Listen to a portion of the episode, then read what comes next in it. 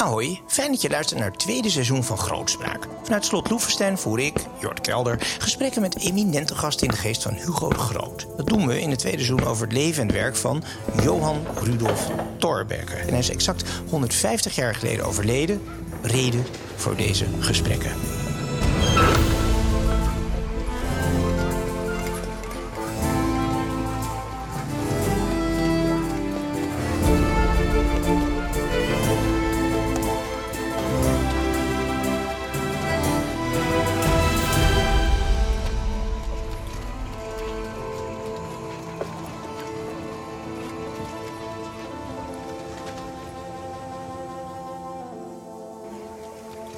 En daar zijn we weer. En we gaan nu een rondje maken in ronde 4 over Thorbecke, over eh, gesprekken over vrij liberalisme.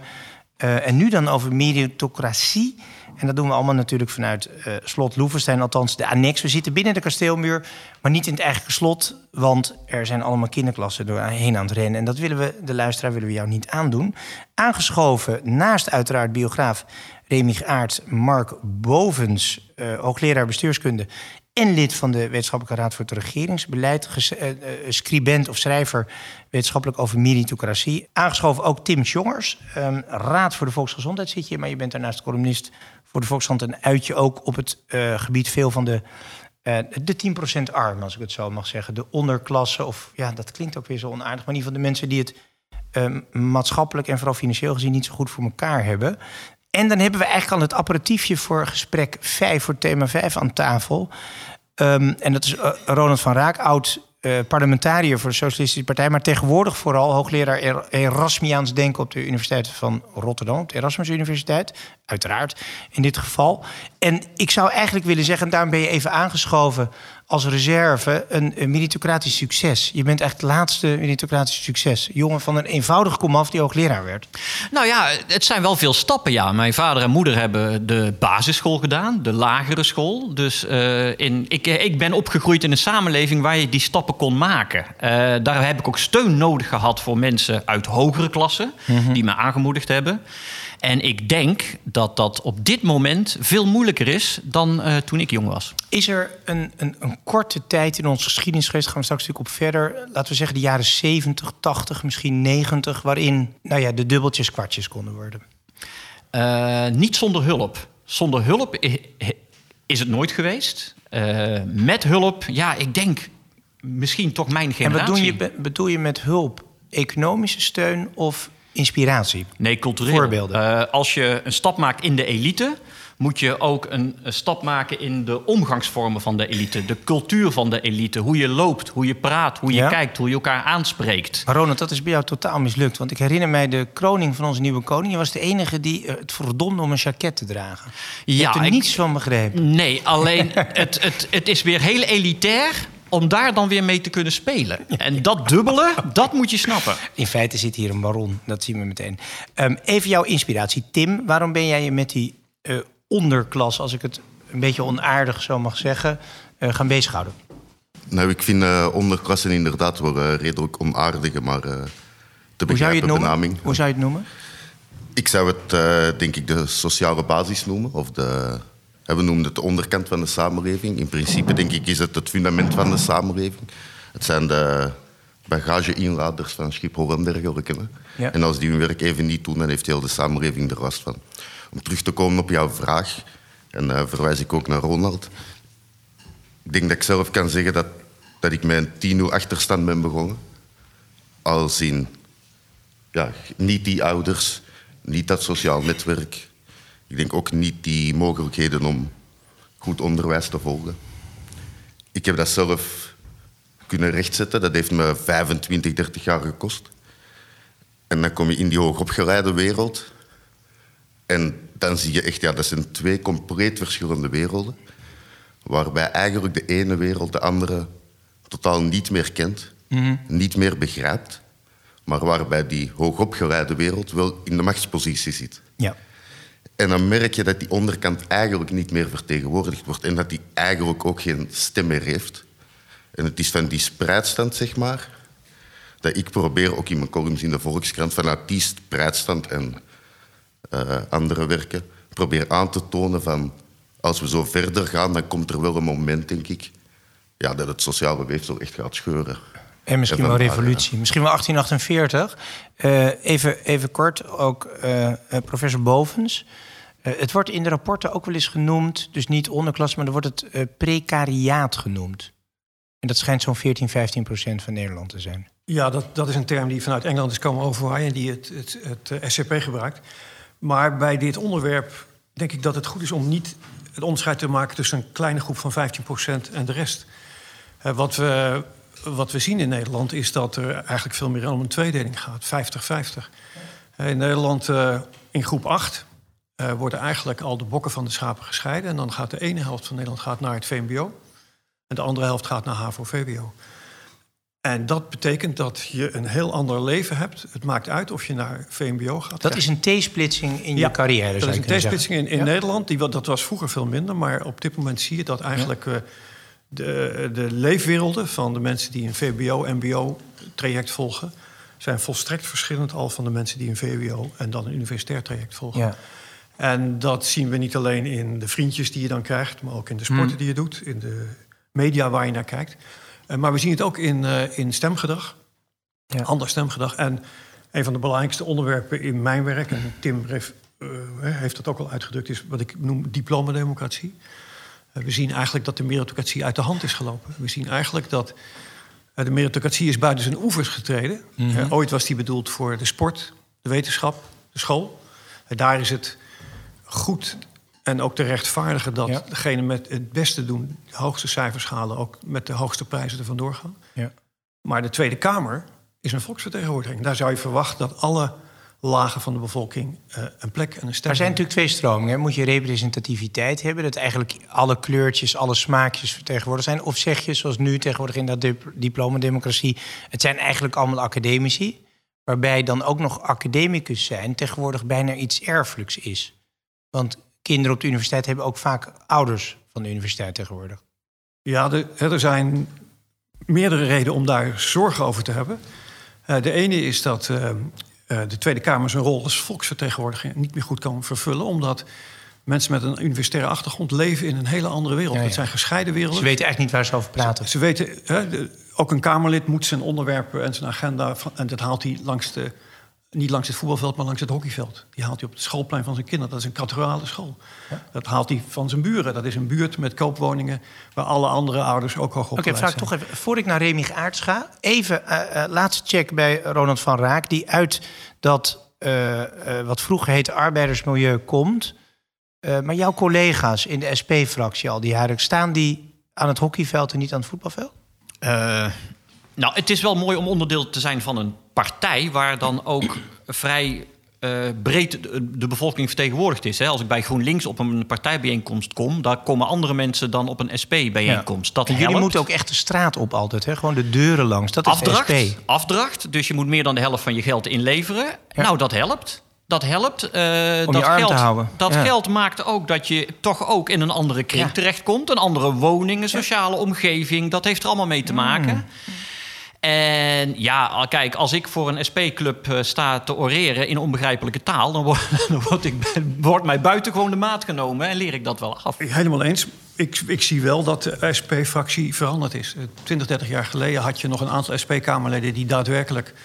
eh, Jan Marijnissen was aan de bankschroef begonnen Ja, toch ja, Jan Marijnissen is wel een mooi verhaal, want die had het, het klein seminarie gedaan, of het groot seminarie zelfs. Ja. En had normaal priester geworden en dat telt als hoog opgeleid. Maar is, Oh, in de jaren zeventig in Nijmegen is hij op een andere pad geraakt. Ja, maar goed, eh, Remy Poppen en anderen, hè, er waren. En nu heeft op dit moment heeft de SP een van de hoogst opgeleide eh, Kamerfracties van alle fracties. Hè, een zeer Er groot zitten deel. gepromoveerden Zeer in. groot deel gepromoveerd. Dat is, heb ik ni- niks tegen. Ik, ik, Ja. ik, ben het ook. Maar het is wel een risico voor de SP of ze nog voldoende voeling houden. Jongens, voordat we doorgaan op, die, eh, eh, nou ja, op de eh, mensen die het minder getroffen hebben... en hoe we wellicht de meritocratie weer wel kunnen laten werken... want kennelijk werkt die niet zo goed meer. Toch even naar Remy Aerts. We gaan naar Torbekke. Torbekke is Torbekke een, een, een product van een beginnende meritocratie? Nou, hij is de uitvinder ervan, in zekere zin. Dat wil zeggen, voor Nederland de grondlegger eh, ervan. Ehm, kijk, we hebben gezien, hè, de achtergrond van Thorbecke was dat hij zelf uit een, uit een situatie kwam waarin het heel moeilijk was om carrière te maken. In, in de eerste helft 19e eeuw waarin hij opgroeit, uh, heb je elke vorm van protectie nodig om carrière te kunnen maken. En uh, uh, de, de, veel verzetten zich er eigenlijk tegen dat mensen zonder protectie een carrière konden maken. Het stelsel van de samenleving zat eigenlijk zo in elkaar dat het heel moeilijk was om zelfstandig vooruit te komen. Plat gezet gewoon vriendjespolitiek. Ja, vriendjespolitiek, een, een, een hiërarchisch stelsel waarbij ja. je altijd hoger geplaatsten nodig hebt om iets voor je te betekenen en vooruit te helpen. Uh, dat is het meer. En um, uh, Thorbecke is door die geprikkeld door die situatie en ook door die armoede van, van zijn vader, die altijd op een postje moest bedelen. We hebben dat in een eerdere uitzending gezien. Um, heeft hij besloten dat Um, omdat hij zelf iemand was die op basis van zijn verdiensten vooruit wilde komen, dat dat ook de norm zou moeten worden in de samenleving. Waar uh -huh. hij zich ook enorm aan ergerde, was dat ook alle functies in de samenleving vergeven werden aan mensen op basis van hun naam en hun reputatie. Dat gold ook voor um, vertrouwen in wetenschappelijke expertise. In Nederland is in de eerste helft van de 19e eeuw ingenieurs of artsen, die hebben geen status. Um, mensen die geloofd werden, uh, uh, ook om, um, dat waren mensen die ja. een naam en een reputatie hadden. Ik las nou, ergens, het ging niet om de feiten in de 19e eeuw, maar om de meningen. Ik dacht, waar heb ik dat Ja, nee, zeker zin wel. Maar kijk, Thorbecke die, die, die wordt een wetenschapsman. Hè, en dat brengt hij mee uh, in de opvatting dat wetenschappelijke expertise, uh, echte kennis, dat die normgevend moet zijn in uh, het leiden van een, uh, van een samenleving en een politiek bestel. Mm. Dus wat hij eigenlijk probeert vanaf het moment dat hij politiek een rol gaat spelen, is dat meritocratische principe te vestigen. Na, namelijk dat je op basis van je eigen verdiensten en ja. op basis van expertise in de samenleving carrière kunt maken. Okay, en dat hoe, is ook ja? de reden wat, dat um, Thorbecke later de grondlegger is geworden van het middelbaar onderwijs, wat op zichzelf niet bestond als categorie. Ja. Nou, dat, dat idee, we, we hebben daar nog altijd de, de nostalgie naar de HBS aan overgehouden, de hogere burgerschool. Wat je goed moet beseffen daarbij is dat de hogere burgerschool niet een school was voor de hogere burgerij. Het is voor Thorbecke een hogere vorm van onderwijs voor de ja. brede burgerij. Dat is de intentie ja. van dat onderwijs. Want dat gymnasium bestond natuurlijk al. Dat ja, maar dat was, HBS dat, ja, dat, maar dat was uitsluitend een voorbereiding tot een wetenschappelijk beroep, dus een academische carrière. Maar het grootste deel van de samenleving hoefde niet zelfstandig wetenschap te gaan doen aan de universiteit, maar moest gewoon. Uh, een brede vorming krijgen om in de samenleving vervolgens op een verantwoorde manier functies te kunnen vervullen. Die HBS is, is heel groot geworden, heeft natuurlijk tot ja. in de jaren 60 bestaan. Dat is eigenlijk inhoudelijk misschien wel 80% van het gymnasium, maar zeg maar minus de klassieke talen. Ja. En dat is, dat, is een, dat is eigenlijk, kan je wel zeggen, een enorm succes gebleven. Ja, en dat was Toch, ook in zekere zin. Kijk, Torbeek heeft dat die, die HBS ook niet bedoeld als. Uh, als een, een, beroepsvoorbereidende opleiding. Nee, nee, een breed vormende opleiding. Ja. Zodat mensen als het ware een, een houding, een mentaliteit kregen... om vervolgens beter beroepsvaardigheden mm. te kunnen aanleren. Dat is ook de, de bedoeling van dat stelsel. Maar nog één ding hierbij. Meritocratie is in het programma van Thorbecke eigenlijk gelijk gekoppeld aan het realiseren van de rechtsstaat. Dat wil zeggen dat het recht voor iedereen op dezelfde manier functioneert. Mm -hmm. Ook dat is een heel belangrijk programmapunt van 1848. En die twee dingen samen, dat je mensen gelijke rechten geeft en een, gelijke uitgangspositie in de samenleving probeert te geven, waarbij ze hun eigen verdiensten ja. uh, uh, naar voren kunnen brengen en op basis daarvan vooruit kunnen komen. Dat is eigenlijk het uh, belangrijkste van het okay, programma van Thorbecke. Dat onderwijs, dat snap ik meteen, dat is ook heel, heel, praktisch. Maar die grondwet, ja, je kan natuurlijk zeggen... de adel had niet meer automatisch hun posities. En die heeft eigenlijk wel tot de Tweede Wereldoorlog geduurd... voordat ze hun bestuursfuncties een beetje verspeelden. Voordat het echt verdampte. Alle burgemeesters waren in, zelfs in de jaren dertig nog van adel. Um, het kasteel stond daar en dan kreeg je het burgemeesterschap er feitelijk bij.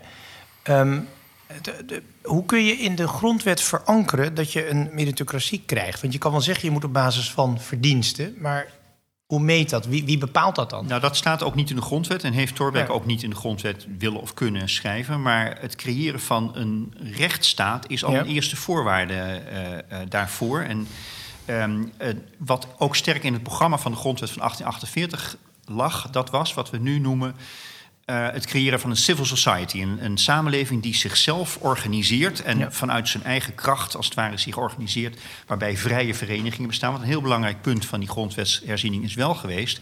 ehm, het invoeren van het recht van vereniging en vergadering. Dat stond op dat moment niet in de grondwet. Dus dat de samenleving zich vrij kan verenigen en vergaderen, eh, was een eh, voorwaarde voor het ontstaan van een civil society. En vanuit die civil society groeit eh, een meritocratie. Dat is eigenlijk het het idee. Eh, ook, ook als we hebben het eerder gehad over was Thorbecke stelsel nou democratisch of niet? Nee, democratisch was het niet. In, Had ook niet de bedoeling.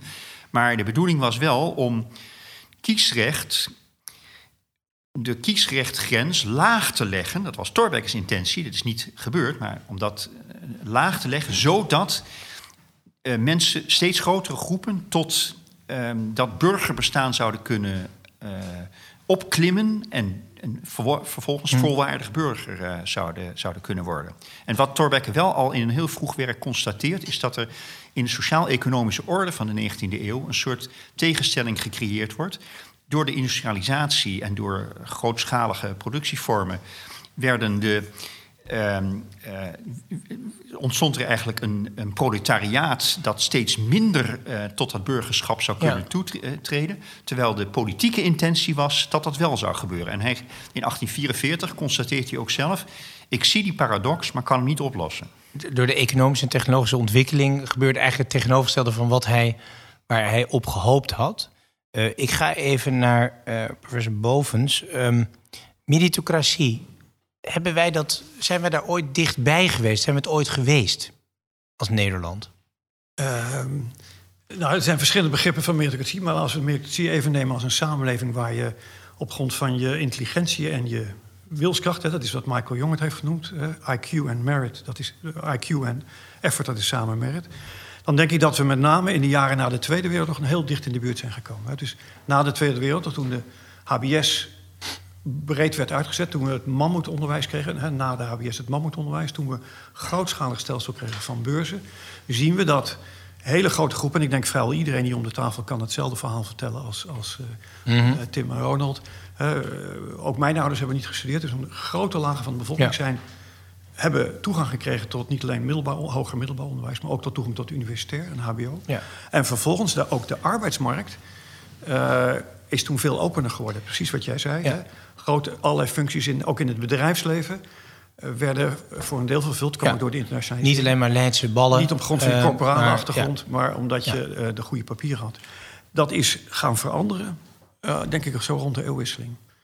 We, we zien nu dat het onderwijs is minder meritocratisch dan het was. We zien, er is allerlei evidentie voor, de onderwijsinspectie laat dat zien... dat kin- eh, kinderen uit lagere sociaal-economische milieus...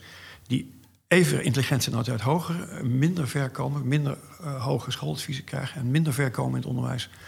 Hoe komt dat?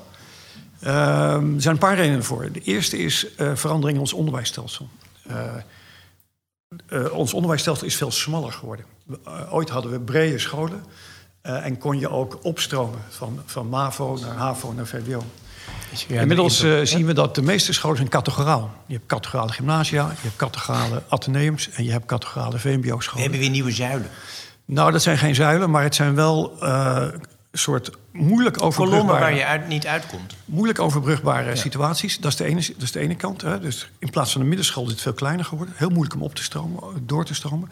Tweede belangrijke ontwikkeling is dat we zien dat er een enorme toename is van eh, privaat schaduwonderwijs. Hè, In, ik denk in tien jaar tijd is dat ongeveer vertienvoudigd van 20 Ja. miljoen naar 200 miljoen. De Luzaks, de, dat soort dingen. Ja, maar ook eh CITO-toetstraining, eh, huiswerkbegeleiding, eindexamentraining. eh, en in de meest extreme vorm Luzak en noem, noem ze allemaal maar op. Maar rijke ouders slepen hun domme kindjes er gewoon door. jongens, hè, we- we- vij- jongens van 15, 16, die, die de hele dag zitten te gamen. Als je rijke ouders hebt, dan word je naar het Luzak gestuurd. En dan tegen de tijd je prefrontale cortex weer is op orde is, dan kan je naar de universiteit. en als je die, dat het geluk niet hebt, Vooral jongetjes, ja. ja. dan, dan ga je naar het FAVO. En dan vraagt het een enorme wilskracht om nog een diploma te halen.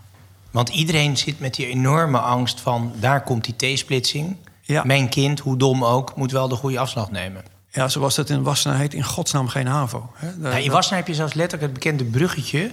Als je in de goede kant van Wassenaar woont... dan ga je, ga je naar het Rijn, Rijnlands Gymnasium. Linksaf Armenwijk, rechtsaf Rijkenwijk. Maar dat is al eeuwig. Nou ja, maar voor ouders is het ook zeer logisch en ook wel legitiem dat ze zich daar grote zorgen over maken. Omdat, en dat is denk ik het belangrijkste punt, en dat ik denk ook een groot verschil met de tijd van Thorbecke, is dat tegenwoordig een hoog diploma enorm uitmaakt. Niet alleen voor je plaats in de samenleving, maar Ja, ja. ook voor je welzijn. Dat is die diplomacratie. Nou, Ja. vandaag is er een mooi is er een rapport weer van het CBS uitgekomen dat, over de brede welvaart. Ja. Dat laat zien dat hoger opgeleiden scoren op bijna op 10 van de 12 indicatoren. Scoren ze boven gemiddeld. Ja. Lager opgeleiden scoren op 10 van de 12 eh, indicatoren sterk ondergemiddeld. Ja. Dus het, is, het maakt enorm veel uit voor je kind. eh, of het wel of niet die afslag neemt naar het VMBO.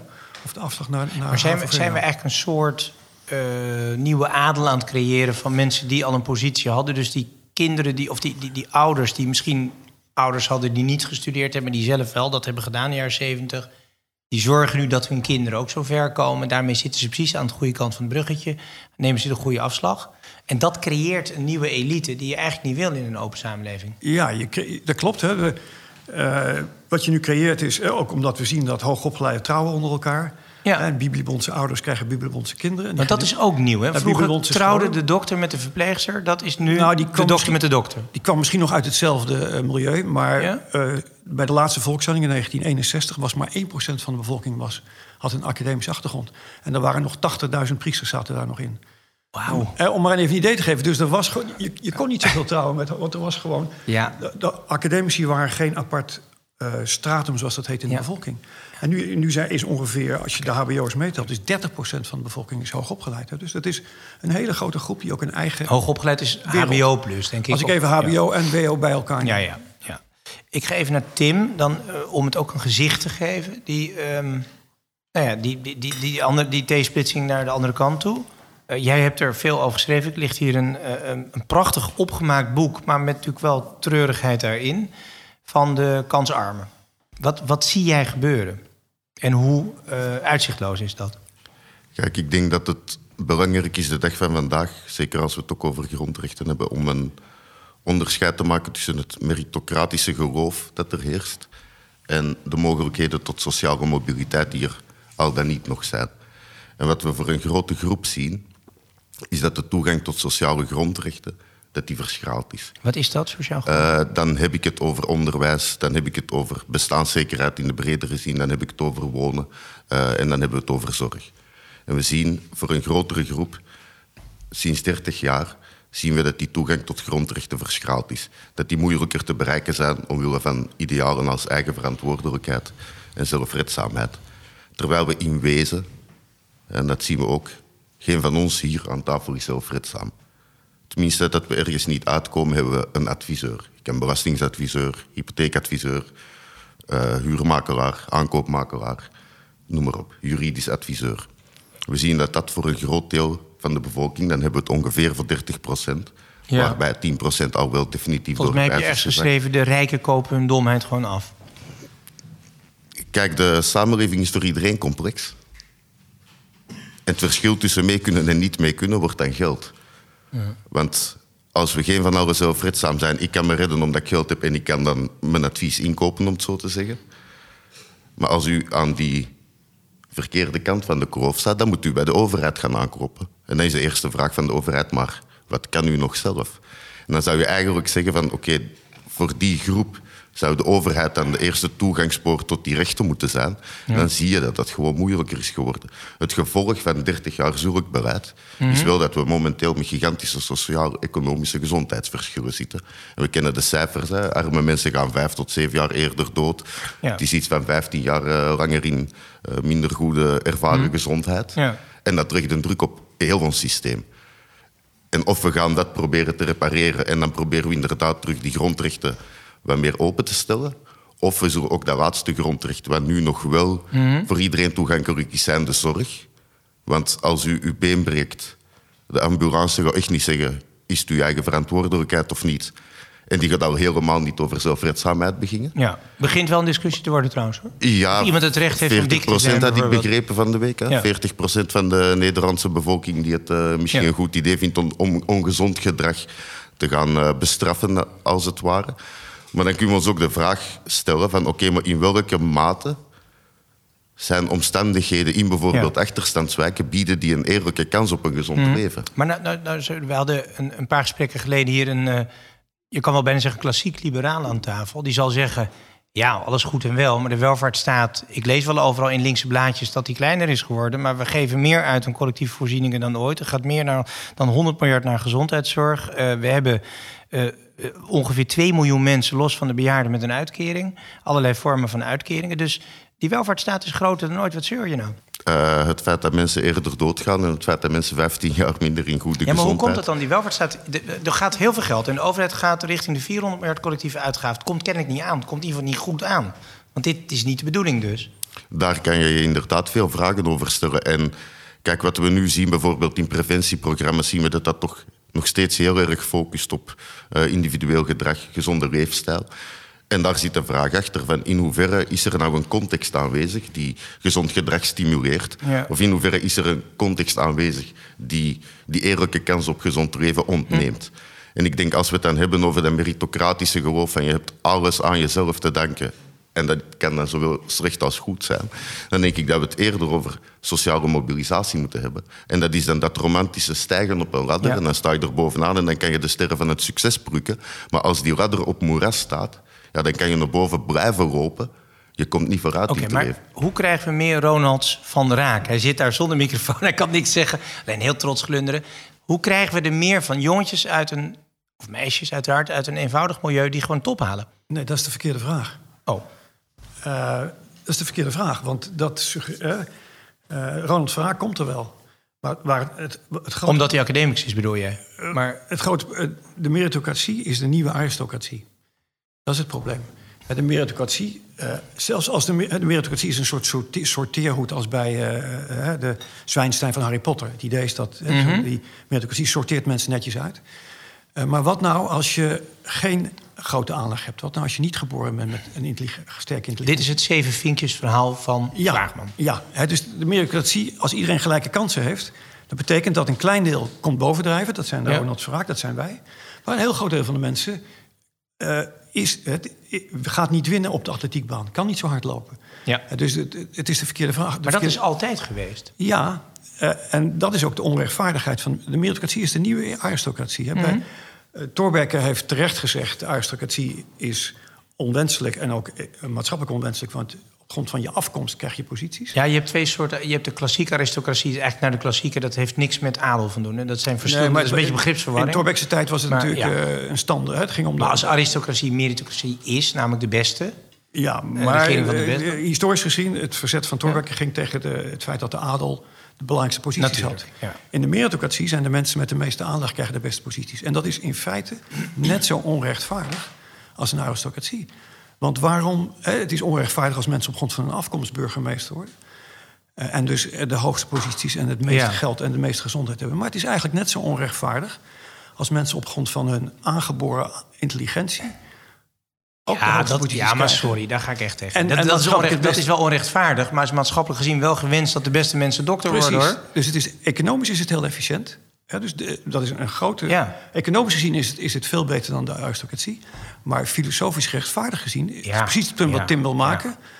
Eh, de, omdat het feit of je heel slim bent en heel goed kan leren, is uiteindelijk er is steeds meer evidentie dat dat te maken heeft met aanleg. Stel nou dat je twee kinderen hebt. Een, ja. een, een, een twee-eigen tweeling. En de ene kan heel goed leren, gaat naar, naar het VBO. De andere kan niet zo goed leren, gaat naar het VMBO. Dan, als ouder zou ik zeer bezorgd zijn over die VMBO-kind. Want dat betekent dat hij minder kans op een huis heeft, minder lang leeft, uh, veel lager inkomen zal krijgen. Waarom is dat dan? Wat is dan de rechtvaardigheid van het feit dat die nee, maar dat, dat, gymnasiumjongen wel, wel alles krijgt? Maar de vraag is even: hoe zorg je nou dat het, het, het kind met die aanleg, die het, die het eigenlijk op zijn slofjes haalt, dat je die niet remt, maar de ander stimuleert. Want waarom zou iemand met aanleg remmen? Dat is ook maatschappelijk onwenselijk. Dat is, dat is niet het antwoord. Hè? Je, je hebt gelijk, wat je dus voor moet zorgen... is dat het kind met de aanleg zijn talenten volledig kan benutten... dat dat maatschappelijk uh, ten dienst komt. Maar wat niet moet gebeuren, is dat die meritocratie uit zijn oevers stroomt... en dat het kind met aanleg ook op alle terreinen van het leven bovenaan staat. Ook, ook kinderen zonder veel aandacht moeten een fatsoenlijk leven kunnen leiden. En dat is het probleem met de meritocratie. Dat als mhm. je geen aanleg hebt, wordt het steeds ingewikkelder om een fatsoenlijk leven te krijgen. Om een fatsoenlijk huis te hebben, om in een fatsoenlijke buurt te wonen, om je kinderen een fatsoenlijke opvoeding te geven. En daar moet het om draaien. Ja. Oké, ik hoor wat je zegt. Hoe gaan we het oplossen? Ik wil gewoon even een oplossing. Behalve SP stemmen natuurlijk. ja? Kijk, ik denk dat we als we nou met z'n allen erkennen dat er inderdaad een, een redelijk dominante groep hoogopgeleiden is, die zowat alle machtsposities in handen heeft, dan zie je dat die dominante groep heel erg kijkt naar die onderkant en daar heel erg aanstuurt op verandering. En daar beleid over heen gooit en daar voorwaarden voor creëert die inderdaad bepaalde kansen ontnemen.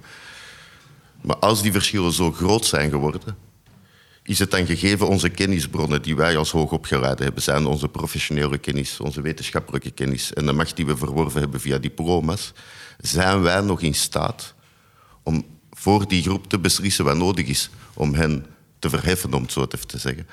En dan denk ik dat je toch gaat moeten kijken of er niet mogelijkheden zijn waarbij niet enkel een diploma nog relevant is, maar waarbij je bepaalde ervaringen ook als legitieme kennisbron gaat uh, introduceren.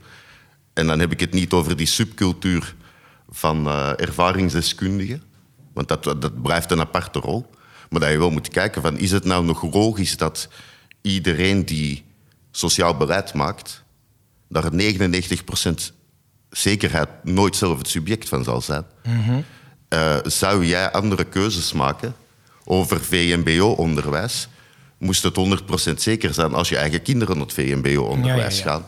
En ik denk die kennis van ervaringen, onbedoeld zijn we die volledig gaan uitsluiten. En dat betekent dat wij onszelf de vraag moeten stellen als hoogopgeleide kunnen wij voor die groep nog wel de goede beslissingen nemen. Oké, okay, maar kijk, je had bijvoorbeeld een bedrijf, uh, hij is helaas overleden, van Eckhard Winsen. Die zei op een gegeven moment, wij maken kinderijsjes. Ik wil dat er een kind commissaris is bij ons. Want er is er niet één die die ijsjes eet. Bij Unilever werken allemaal mensen die nooit margarine eten. Vandaar dat het niet zo goed met Unilever gaat. Dus ik doe nooit zelf boodschappen, die kerels die er werken. Was in ieder geval de situatie een tijdje geleden. Wat, wat, wat zou je dan voor willen stellen? Want je zegt, oké, die ervaringen... je kan niet verplicht functies bedenken voor mensen die alleen ervaring hebben... maar niet... Hoe, hoe zie je dat voor je? Ja, ik weet dat niet. Kijk, het is toch bijzonder. Ik ben, uh, ik ben 30 jaar niet hoogopgeleid geweest. Niemand van jullie zag me staan. Ik heb nu uh, sinds zeven jaar een diploma. Ja, mag ik hier uh, een podcast zitten doen? Ben ik nou een ander team geworden? Ja? Ja, nu, nu wil iedereen me spreken. Mag ik in de Volkskrant, omdat ik een ander geraad en ben ik en nou een zeggen, die Tim heeft het allemaal mooi geflikt. Op eigen kracht. Ja, oké. Met hulp. Maar, en dat is net het punt. Het zijn de uitzonderingen die de regel bevestigen en niet omgekeerd. Ja, ja, dat is ook zo. Bovens, oplossing? Uh, twee, in het algemeen niet alleen inzetten op gelijke kansen, maar ook op gelijke uitkomsten. Op een aantal terreinen van het leven moet de uitkomst niet afhankelijk zijn van je aanleg. Gezondheidszorg. Gezondheidszorg. Iedereen moet geopereerd kunnen worden. Wonen, een goede woning hebben, je kinderen op kunnen voeden. Dat moet niet afhankelijk zijn van je aanleg, maar van Mhm. gewoon. Uh, dat is de ene kant. De andere kant, het gaat over het maken van beleid. Uh, die diplomademocratie, het feit dat, dat 90% van de Kamerleden een universitaire achtergrond heeft, maakt dat, en dat geldt natuurlijk ook voor de ambtenaren en alle beleidsmakers, Ja. maakt dat heel veel dat de zorg en de legitieme belangen van de, van de, de andere helft van Nederland eigenlijk niet op hun netvlies verschijnt. Dat is geen onwil, maar het is gewoon omdat je in een andere wereld leeft. Dus dat vraagt veel meer werk van Kamerleden, maar ook van beleidsambtenaren, Mhm. om je te verdiepen in het andere deel van Nederland en niet je eigen leefwereld. Denk jij bijvoorbeeld dat zo'n toeslagenaffaire... die de politiek de laatste eh, jaar, anderhalf jaar zeker begeesterd... Absoluut. nooit was gebeurd als mensen zelf iemand kenden met zo'n Ja. toeslagenprobleem? Ja, ik denk dat als de Kamerleden zich hadden gerealiseerd wat het betekent. SP deed dat wel en Pieter Omtzigt ook, hè? Moeten we Nou, even ja, nou ter ja, verdediging. Maar ja? goed, als de Kamerleden ook Leiden en Omtzigt zich hadden gerealiseerd... Wat het betekent dat je de hardheidsclausule weghaalt uit de wet... Ja. dat je een fraude met maakt waarbij je boete op boete krijgt... terwijl je, als je, terwijl je ziet dat dus heel veel mensen leggen per ongeluk... Leggen, Mhm. kunnen de brief niet lezen, leggen hem opzij... hebben even geen geld, vergeten. Die minder handig zijn met de overheid ook. drukken Ja. het weg, eh, hè, want ze hebben al zoveel stress. En Mhm. dan, voor je het weet, komt er boete op boete. Dus ehm, vanuit de WR hebben we een rapport gemaakt dat heet... Weten is nog geen doen. En voor heel veel mensen geldt, je weet wel dat je eh, bepaalde handelingen Mhm. moet doen... maar de overheid vraagt zoveel handelingen van mensen. Ja. En als je stress hebt en schulden hebt, dan lukt dat vaak niet. Ik heb wel eens gelezen dat zo'n 20% van de burgers eigenlijk niet meer met de overheid kan communiceren. Gewoon niet begrijpt wat er in zo'n Ja, brief dat staat. is- dat is- en het dat- is ook juristentaal, hè? Dat is, dat is alleen nog het begrijpen van de brief. Maar Ja? eh, als je die, kinder, die wet op de kinderopvang vraagt van jonge ouders zoveel handelingen en zoveel alertheid. Ja, ja. ja. Eh, dat je dat eigenlijk niet kan vragen. En wat wij hebben gezegd bij de WER, bij het maken van wetten en regels die, die het over burgers gaat, met name burgers in, in stressvolle omstandigheden, moet je veel meer experimenteren. Je moet burgers in panels zetten. Net als een bedrijf doet. Als je een nieuw product maakt bij een bedrijf, Mhm. eh, of het een nieuw ijsje is of niet, dan ga je een tijdje eh, mensen laten proeven. Dan ga je kijken, kunnen mensen het product gebruiken? Werkt het? Dat zou de overheid veel meer moeten doen. En ja, niet met zichzelf, niet met de hoogopgeleide wetgevingsambtenaren. Maar je moet dus ook panels hebben van de, de echte burgers en de gebruikers. En dan moet je eens kijken of die dat kunnen en wat, wat die ervan vinden. Ja, is, ik vind het eh, best een interessante, eh, leuke gedachte. Gaat gebeuren, want een van de kritiekpunten is vaak... het is zo complex allemaal. Het is een juristensamenleving, alles moet dichtgetimmerd worden. En we zijn voor schadevergoeding in Groningen... waarvan werkelijk iedereen ziet... het kan toch niet zijn dat de samenleving 300 miljard plus verdient aan gas... maar vervolgens die paar mensen met die, of een paar duizend mensen met die gescheurde huizen in de kou laat staan. We krijgen het niet voor elkaar. Het is te complex. Hoe doorbreek je dit? We hadden het net al over, ehm, eh, met Remig Aarts over... zou je het democratische bestel niet even moeten opblazen... om opnieuw te beginnen, een nieuwe blauwdruk? Want het, het, het wordt alleen maar moeilijker. Nou, Is mijn indruk als krantenlezer. nee, hoor, dat, maar, ja. dat, nee, dat hoeft niet per se. Hè. Ehm, ehm, laat ik een voorbeeld nemen. De verhoging van de AOW-leeftijd in Nederland. Ja. Die is eigenlijk vrij onge is op 67 gezet. Dat is omdat de meeste Kamerleden eh, zich prima tot 67 willen ze graag doorwerken. Dat geldt Ja. ook voor mijn collega's, die willen zelf tot 70 door. Er is geen Kamerlid wat op zijn 15 is begonnen met werken. Ja. Als je nou eh, een, een panel had gehad, of als je een burgerforum had gehad, als je, eh, met, uit de brede samenleving, dan had je bijvoorbeeld bedacht: laten we het nou niet op 67 doen, maar laten we zeggen: het is gekoppeld aan 50 jaar werken. Ja. Want als je op je 15e bent begonnen met werken, dan is 67 is echt heel ver weg. En dan ben je als je op je op, hoor. 25e Ja. bent begonnen met werken, dan gaat het wel. Ja, ook nog vaak fysiek werk dan, hè? Die jongens die op hun 15 beginnen. Maar, maar die ervaringen en het, eh, het effect van die verhoging kwam Mhm. niet in beeld, omdat er niemand in de Kamer is, of vrijwel Ja. niemand die dat heeft meegemaakt, of die nog een vader heeft, of een oom, of een neef, die dat had kunnen zeggen. Dus dan Mhm. moet je dat op een andere manier gaan organiseren. Dat kan via burgerfora of burgerpanels, Ja. eh, waar je dit soort ervaringen gewoon om de tafel krijgt. Ja. Dus je moet veel meer moeite doen dan voorheen. Je moet veel meer moeite doen dan voorheen om die ervaring ook op tafel te krijgen. Heb je er vertrouwen in, Tim, dat het eh, goed komt? Als ik Mark zo hoor en eh, gegeven de, de functie van Mark, dan denk ik dat, we, dat er nog vertrouwen is. Hè. Maar ik denk dat het wel Nou, de echt... bedoelingen zijn wel goed, alleen kennelijk. Ja, maar ik denk eh, dat dat het iets dus is niet. dat we... Dat gaat niemand ontkennen, denk ik. Ik zie ook alleen maar binnen dat beleid hard werkende ambtenaren... die echt goede bedoelingen hebben. En waar ik wel bij merk dat ze in steeds toenemende mate... echt wel zelf doorhebben dat de afstand tussen eh, de plek waar ze zitten... en die wereld waar ze het voor doen, dat die afstand te groot is geworden. En kijk, dat is net... Dat is zo institutioneel. Hè? Ik, ik zal een voorbeeld geven. Ik werkte rond mijn dertigste in... eh, in Antwerpen in een nachtopvangcentrum met verslaafden die daar heroïne mochten spuiten, noem maar op. Want anders eh, komen die voor onze deur liggen en dat willen we niet. Dus liever een project dat ze zichzelf kunnen volspuiten. S ochtends reed ik op de fiets naar de universiteit. Dat was zes minuten fietsen. En ik kwam in twee compleet verschillende werelden. In een wereld met hopelozen, daar kwam ik vandaan. Mensen die wij als samenleving hebben opgegeven. Die dossiers hebben waarbij je denkt, hier komt niemand nog goed uit. Tot op het punt dat we zeggen, weet je wat, geef ze een kamer, geef ze een heroïnespuit en het komt goed. Zes minuten fietsen en dan kom je bij universiteitsstudenten die allemaal op elkaar lijken, allemaal 19 zijn, allemaal hetzelfde traject in het leven hebben afgewandeld, allemaal uitkijken om op hun 23ste af te, studeren, een half jaar te backpacken in Mexico en dan gaan ze beleidsfuncties vervullen. En als het misgaat, betaalt papi. Ja, en die ontmoeten elkaar niet meer. En het zijn die hoopvolle op die universiteitsbanken die Ja. wel alle macht zullen uitoefenen op die hopelozen Oké. en nergens in hun leven elkaar ontmoeten. Tim, denk je als je, want je hebt met veel van die mensen gesproken. Ja, ik praat al alsof ik in een dierentuin ben geweest. Dat ik inderdaad kom ze in mijn wereld ook nooit tegen. Dat erken ik gewoon. Ehm, we hebben het eerder in een gesprek met Remig Aarts gehad over 1848, over het revolutiejaar. Het revolutiejaar dat veroorzaakte dat wij een grondwet kregen waar, eh, geloof ik, veel behoefte aan was, maar dat toch wel even duurde voordat die was. Ehm, is er kans op een revolte als het niet opgelost wordt? Ja, ik denk dat je sluimerend wel heel veel crisissen ziet, al van de gele hesjes tot eh, nu plots eh, Nederlanders durven terugstaken. Ik, eh, zolang ik in Nederland ja. was, ja, nu binnenkort ook in Den Haag een staking gepland. Dus een revolte, dat weet ik niet, want er is nog altijd wel een zekere mate van welvaart. En de welvaart is hoog. Iedereen weet dat we niet in een bananenrepubliek wonen. Maar dat wil niet zeggen dat we het stelselmatig niet van elkaar hebben... Ja, wat verder van elkaar zijn komen afdrijven. En ik, vind- ik vind het mooi dat u zegt, van als ik het zo hoor... dan lijkt het alsof ik in een dierentuin of zo... Nou, maar dat was... En dat is wat Ronald ook zei. toen ik voor de eerste keer in die Haagse torens kwam. Ik dacht echt, hoe Ja. praten die mensen? Hoe denken die mensen? Ja. Hoe... En die mensen, die mensen. En ik zeg het erbij, dat is net...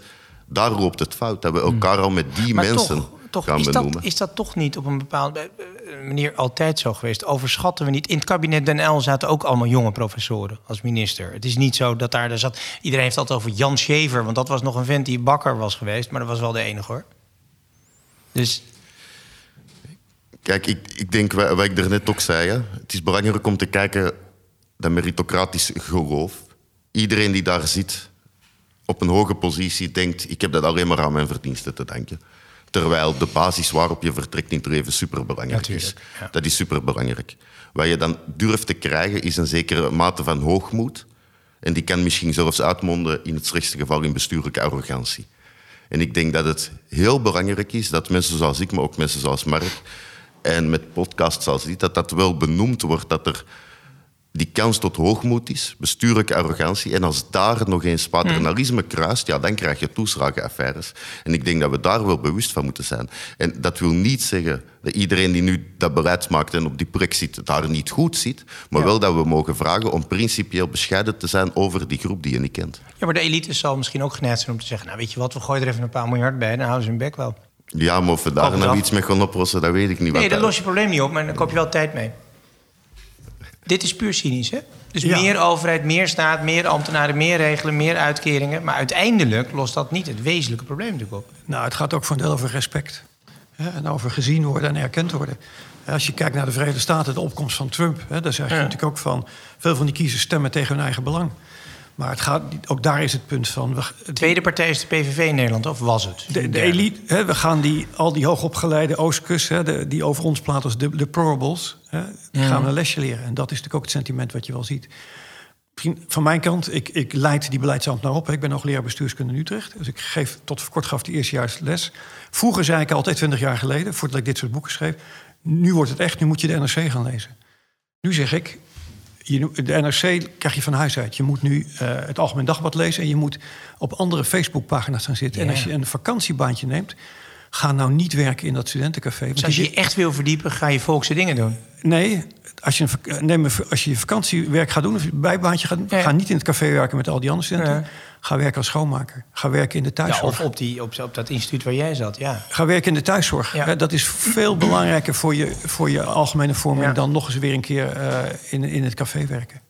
Want juist als je bestuurskundestudent bent of beleidsstudent... dan moet je kennis nemen en je moet bewust kennis krijgen... Mhm. hoort bij je opvoeding van andere delen van, dan die wereld waar je zelf in bent opgegroeid. Maar vind je de eh, millennial generatie nu, laten we zeggen de twintigers en dertigers... vind je ze wereldvreemd eigenlijk?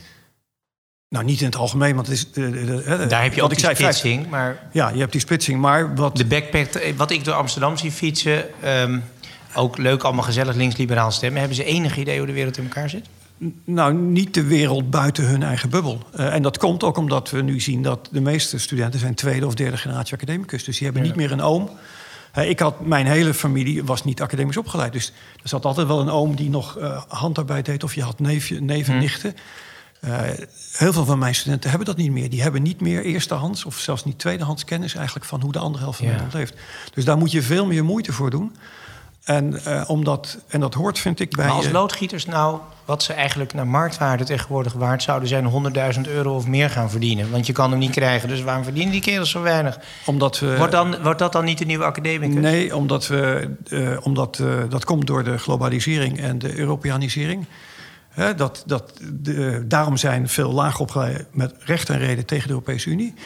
Omdat eh, vanuit Oost-Europa en straks vanuit de Oekraïne Ja, ja. of van verder worden er. Dus de, die lonen blijven, zullen laag blijven, want dat arbeid is uitwisselbaar. Hmm.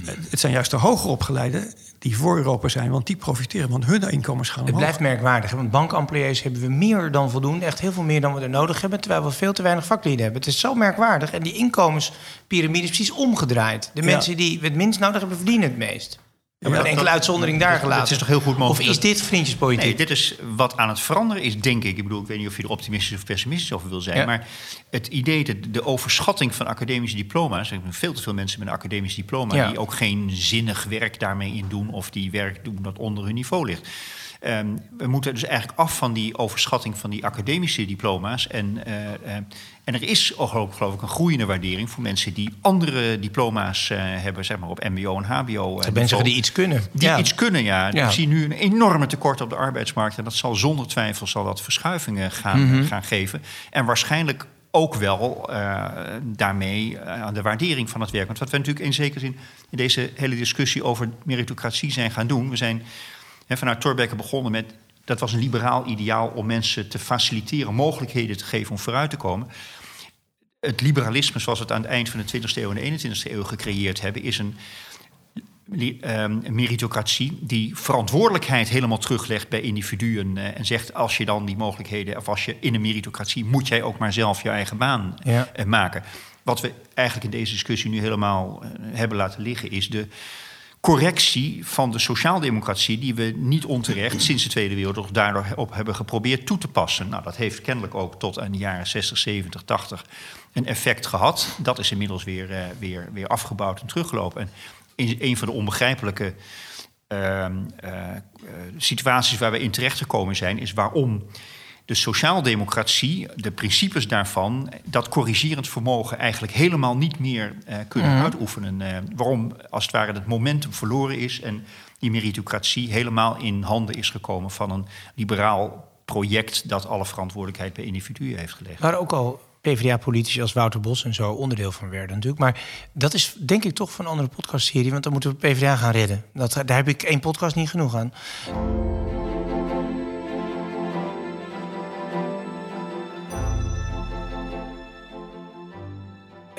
Slotvraag. Uh, Remig Aarts, eh, biograaf van Thorbecke. Zou die nu 150 jaar later naar zijn levenswerk kijken als... Je hebt er een lekkere bende van gemaakt, jongens. Dit was niet de bedoeling. Nou, dat hij de conclusie zou trekken, dit is niet helemaal mijn bedoeling, dat denk ik wel. Ja, dat is, eh, bedoel, als in de effecten zoals we ze hier eh, zien. Nee, dat is, bedoel, de bedoeling is geweest om steeds grotere delen van de bevolking in staat te stellen op, Ja. een, op een volledig manier burger te kunnen zijn. Met een bepaald welstandsniveau, een ontwikkelingsniveau en dergelijke. Dat is de, de intentie van het project eh, geweest. Eh, We zijn nu zoveel tijd verder dat je dat ook niet meer helemaal kunt terugrekenen aan wat iemand ooit in gang heeft gezet. Maar ik denk niet, zoals Thorbecke zich evenmin zou herkennen in het soort liberalisme dat we op dit moment Ja. gecreëerd hebben. Verre ervan. Jeetje, ik word een beetje somber van jullie. Want al- nog steeds alle lijstjes worden dan altijd... Zit, zit Nederland aan de goede kant? Zitten we in de goede top 10? Bij de beste landen van de wereld, samen met Scandinavië, Canada, Nieuw-Zeeland. En als ik dit zo hoor, zijn we een derde wereldland aan het worden, joh. Nou, dat is lijkt me sterk overdreven. Maar je kunt, Qua splitsing, de toon hier is... eh, we zitten aan de foute kant van de geschiedenis. Dit gaat helemaal verkeerd. Tenminste 20% is kansloos. En blijft dat ook. Nou, misschien is dat relatief in de wereld eh, nog een betrekkelijk Ja, laag dat percentage. zou je ook kunnen zeggen, Ja, ja. Dat is, dat is eigenlijk de enige reden waarom je in veel van die lijsten in de top 10 staat. Niet omdat het hier perfect is, De rest nog slechter maar omdat gaat. het in de rest van de delen van nog moeilijker is. Nou, dat vind ik een heel opmonterende gedachte, jongens. Ik eh, dank jullie eh, wel. Laat ik even dank zeggen aan Tim Sjongers, eh, lid van de Raad voor de Volksgezondheid, columnist Volkshand, opgewerkt. Eh, ehm, ja, eh, kind van eenvoudig kom af, maar helemaal bij de elite. Welkom. We houden het even onder ons. Professor Mark. Bovens, hoogleraar bestuurskunde, lid van de WRR, eh specialist op het gebied van meritocratie. En natuurlijk Remig Aarts. En de bijzitter, Ehm, van ex-SP inmiddels ook. Welkom in de elite. Hoogleraar Erasmiaans Denken. ehm, Ronald van Raak. Volgende gast in de volgende ronde van deze podcast. En dan zeg ik een tikje plechtig. Dank voor het luisteren. Want dit was Grootspraak, de Torbekke-editie. Een podcast van de stichting Vrienden van Slot Loevestein. Een podcast productie en naar een idee van Frank van Horen. Redactie Pieter Willemsen. Techniek en montage Frederik Middelhoff. En de muziek is wederom van Toon Vieira. Met dank aan voorzitter Stefan Bergman van de stichting Vrienden van Slot Loevestein. En abonneer je nou even op die podcast, zodat je in de toekomst niks hoeft te missen. Zeggen wij dank en leven de vrijheid.